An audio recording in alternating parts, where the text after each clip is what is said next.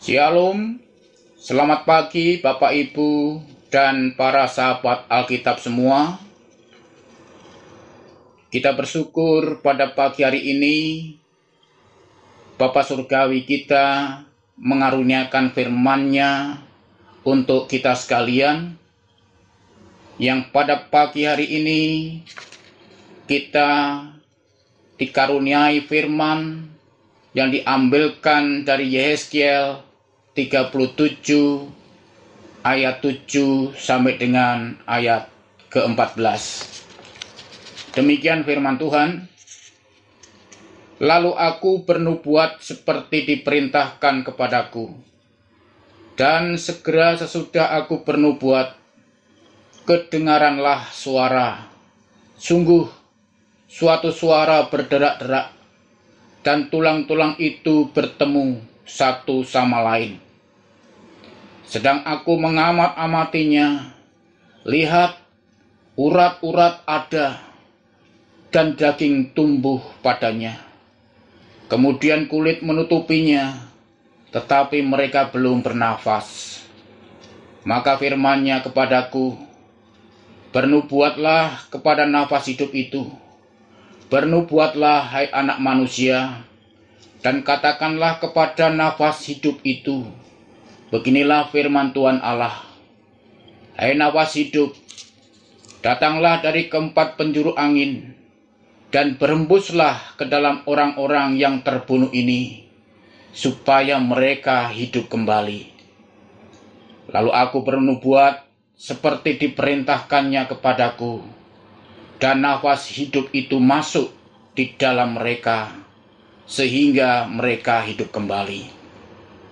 Mereka menjejakkan kakinya, suatu tentara yang sangat besar. Firmanya kepadaku, Hai anak manusia, tulang-tulang ini adalah seluruh kaum Israel. Sungguh, mereka sendiri mengatakan, tulang-tulang kami sudah menjadi kering, dan pengharapan kami sudah lenyap. Kami sudah hilang, oleh sebab itu, bernubuatlah dan katakan kepada mereka, Beginilah firman Tuhan Allah, Sungguh, aku membuka kubur-kuburmu dan membangkitkanmu, hai umatku, dari dalamnya, dan aku akan membawa kamu ke tanah Israel. Dan kamu akan mengetahui bahwa akulah Tuhan, pada saat aku membuka kubur-kuburmu dan membangkitkanmu, hai umatku, dari dalamnya. Aku akan memberikan rohku ke dalammu, sehingga kamu hidup kembali, dan aku akan membiarkan kamu tinggal di tanahmu, dan kamu akan mengetahui bahwa aku, Tuhan yang mengatakannya dan membuatnya.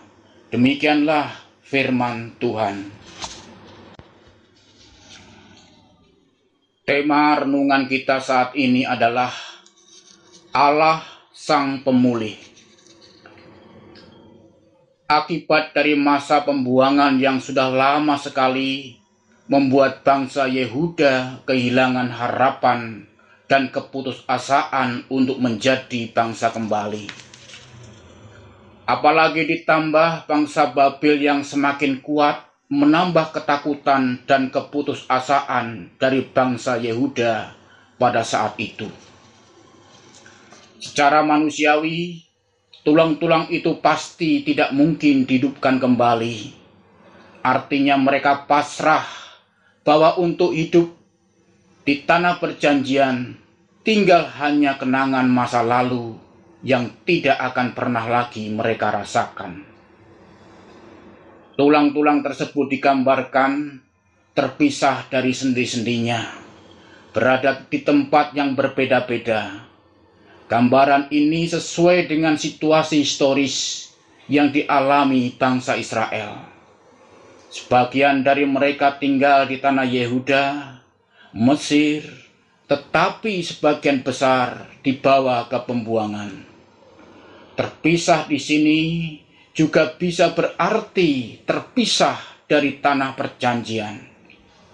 Sahabat Alkitab, Tuhan tidak tinggal diam dengan situasi umatnya. Ia menubuatkan sebuah pemulihan. Tuhan menjanjikan pemulihan tanah dan eksistensi sebagai sebuah bangsa. Dalam bagian visi, pemulihan ini digambarkan dengan penggabungan tulang-tulang yang dulu terpisah dan tumbuhnya urat daging yang menyatukan mereka. Inti pemulihan yang Tuhan lakukan adalah secara spiritual. Apa yang telah terjadi pada bangsa Yehuda secara fisik, kekalahan perang, pembuangan, dan lain-lain, sebenarnya merupakan akibat dari kebobrokan spiritualitas mereka.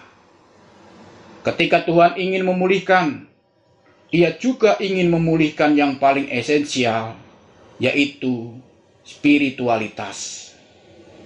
Tuhan memerintahkan Yeskiel untuk bernubuat, mengembalikan tulang-tulang yang sudah mengering itu ke bentuk awalnya sebagai manusia yang memiliki fisik.